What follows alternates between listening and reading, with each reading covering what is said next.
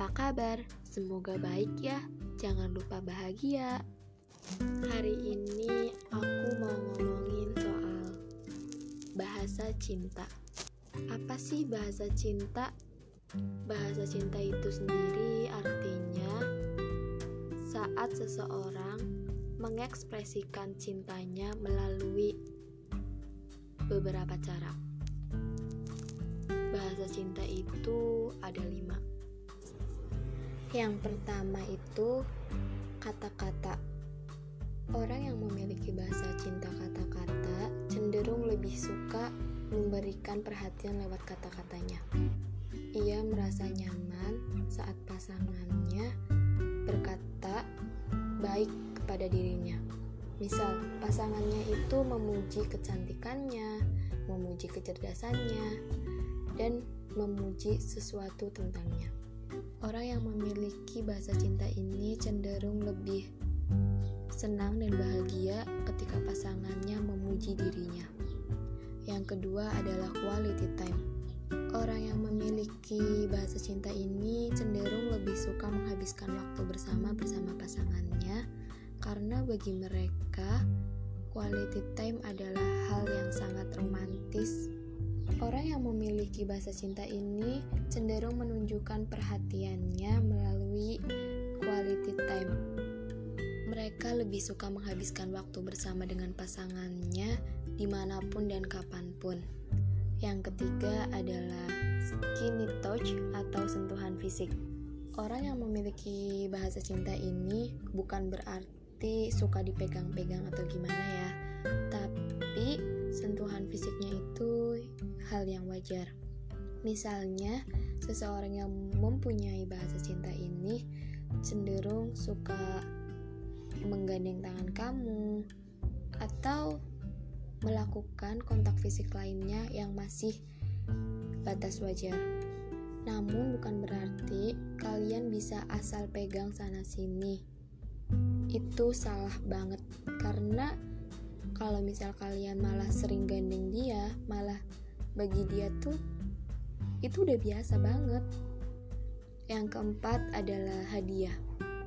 Orang yang punya bahasa cinta ini cenderung lebih suka memberi hadiah kepada pasangannya dan dia juga sangat suka jika pasangannya memberi ia hadiah. Tidak peduli semahal apa hadiahnya, tapi bagi orang-orang yang mempunyai bahasa cinta ini, hadiah itu sangat berarti. Bahkan bagi mereka, hadiah itu sangat romantis untuk mereka. Dan yang terakhir adalah bantuan.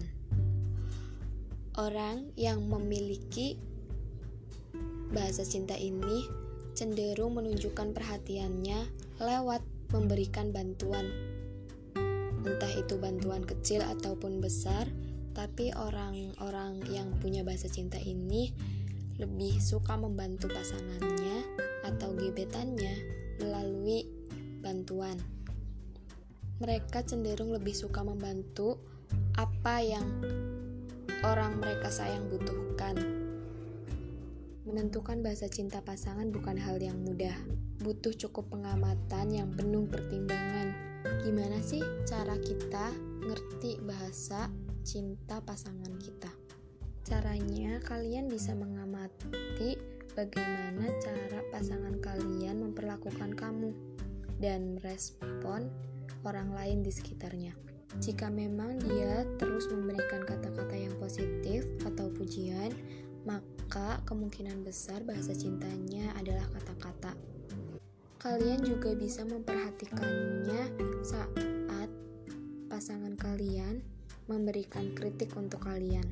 Walau memang sedikit sulit dan agak membingungkan, tapi dengan kritikan kalian bisa mengerti bahasa cinta yang pasangan kalian punya.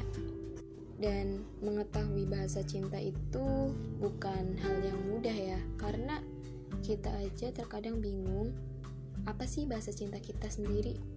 Tapi bukan berarti ya kalau misal pasangan atau gebetan kalian bahasa cintanya kata-kata terus kalian terus menerus mengucapkan pujian kepada dia karena itu salah sih karena bagi mereka tuh ucapan pujian kamu udah gak berarti lagi kalau misal emang kalian terlalu sering mengucapkan pujian kepada mereka. Jadi kalau kalian udah tahu bahasa cinta kalian itu apa dan bahasa cinta pasangan kalian itu apa, kalian harus memberikan perhatian kalian menurut bahasa cinta pasangan kalian. Tapi bukan berarti terus-menerus.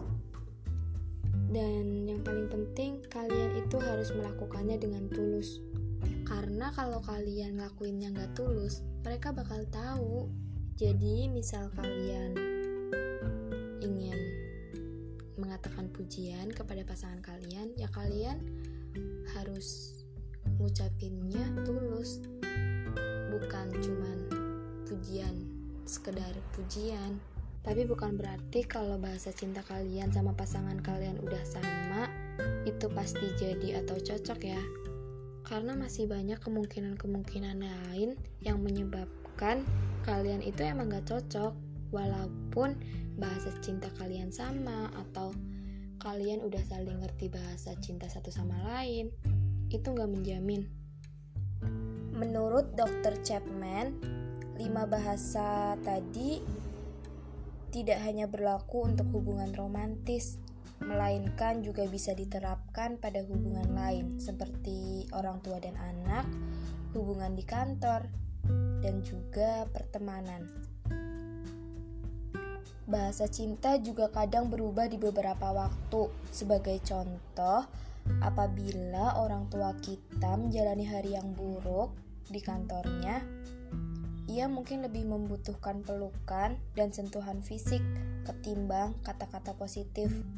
Jadi, kesimpulannya, kalian bisa senantiasa rutin berkomunikasi dan menanyakan kepada pasangan hal apa yang mereka butuhkan, sehingga kamu pun bisa tahu dan bisa merespon apa bahasa cintanya.